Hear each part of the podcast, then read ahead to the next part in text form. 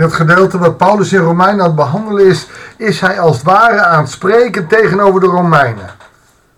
Maar hij steeds gebruikt hij daar een soort retorica. Hij vertelt iets en dan stelt hij daar zelf een vraag uit. En ik kan me niet aan de indruk onttrekken dat dit ook een stijl is die hij pakt om het juist heel scherp te maken. Hij zet iets heel, ja eigenlijk vreemds, belachelijks tegenover een hele scherpe boodschap. Zo ook in dit gedeelte. Goeiedag, hartelijk welkom bij een nieuwe uitzending van het Bijbels Dagboek. We lezen Romeinen 6 vanaf vers 15 tot en met 23. Betekent dit, dat is die retorische vraag, dat we vrij uit mogen zondigen omdat we niet onder de wet staan, maar onder de genade leven? Ja, eh, zondigen mag toch nooit, zondigen is uit een boze. Uh, hij eindigt ook met vers, vers 14, de zonde mag niet langer over u heersen. Maar betekent het dat we vrij uit mogen zondigen? Hij wil iets heel scherps neerzetten. En daarmee kan je ook het cynisme en het sarcasme er een beetje uithalen. Want hij gaat nu weer heel erg sterk iets zeggen. Waar we eigenlijk niet helemaal kunnen tippen. Maar hij wil het zo sterk zetten om te laten zien hoe belangrijk het is. Nou, zijn antwoord is absoluut niet. Punt. Wanneer u zich als slaaf in iemands dienst stelt, weet u toch dat u hem moet gehoorzamen? Wanneer u de zonde dient, leidt dat tot de dood. Wanneer u God gehoorzaamt, leidt dat tot vrijspraak. Het is natuurlijk op zich een vreemde tekst. Wanneer u zich als slaaf in iemands dienst stelt. Als wij ons als slaaf in dienst stellen van de zonde, dan leidt dat tot de dood. Maar wanneer wij ons als slaaf stellen tot de gehoorzaamheid van God. Maar dat staat er niet helemaal, maar dat lijkt er wel te staan. Wanneer u nu God gehoorzaamt, dus niet als slaaf, maar als als kind leidt dat tot vrijspraak. Maar God zij dank, u was slaven van de zonde, maar nu gehoorzaamt u van ganser harte de leer waaraan u zich hebt toevertrouwd. Nou, hier druipt het cynisme van af. Want hij weet ook wel beter dat er bij de Romeinen en bij al de gemeentes die deze brief zullen lezen, absoluut niet een complete gehoorzaamheid aan God is.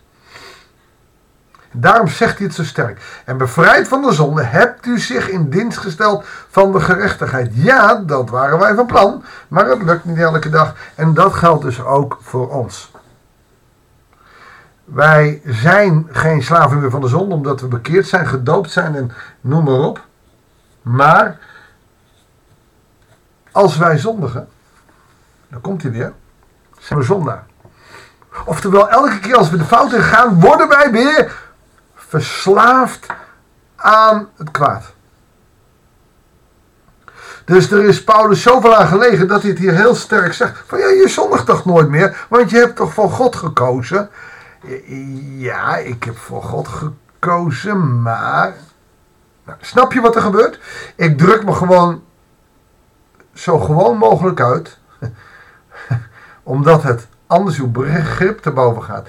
Hier zegt hij eigenlijk, ik zeg het even wat scherper.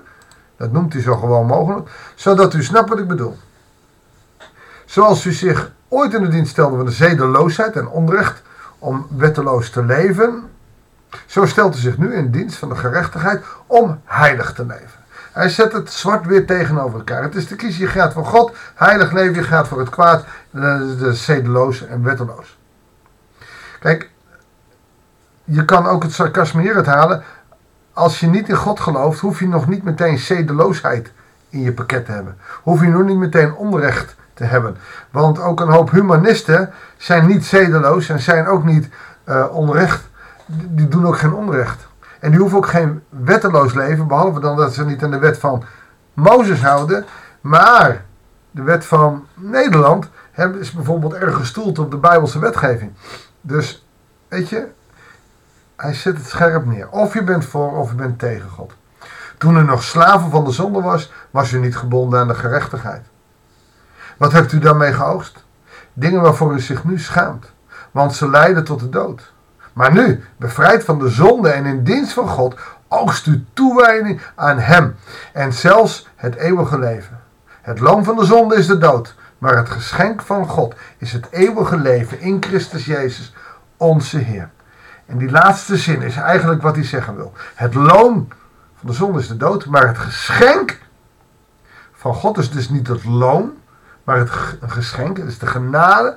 En de genade geeft ons eeuwig leven in Christus Jezus onze Heer. En dat die boodschap zo zwart-wit is zo duidelijk dat zegt: jongens, jullie moeten gewoon stoppen met zondigen. Houd ermee op. Ga heilig leven, zoals ik heilig leef. Ja, maar Paulus, weet je, eh, we zijn mensen. Ja, en daarom zet hij het zo scherp. Want als hij had gezegd: ach, doe nu maar je best, dan hadden we dat afgekalfd toch, ach, als we af en toe maar ons best doen. En nu zegt het zo scherp dat we, als we echt in Christus geloven, dan willen we en dan zullen we en dan moeten we toch heilig leven leiden. Want het loon van de zonde is de dood. Ja, maar Christus is voor ons gestorven, ja. En als je dat gelooft, dan wil je niet meer zondigen, dan wil je een heilig leven.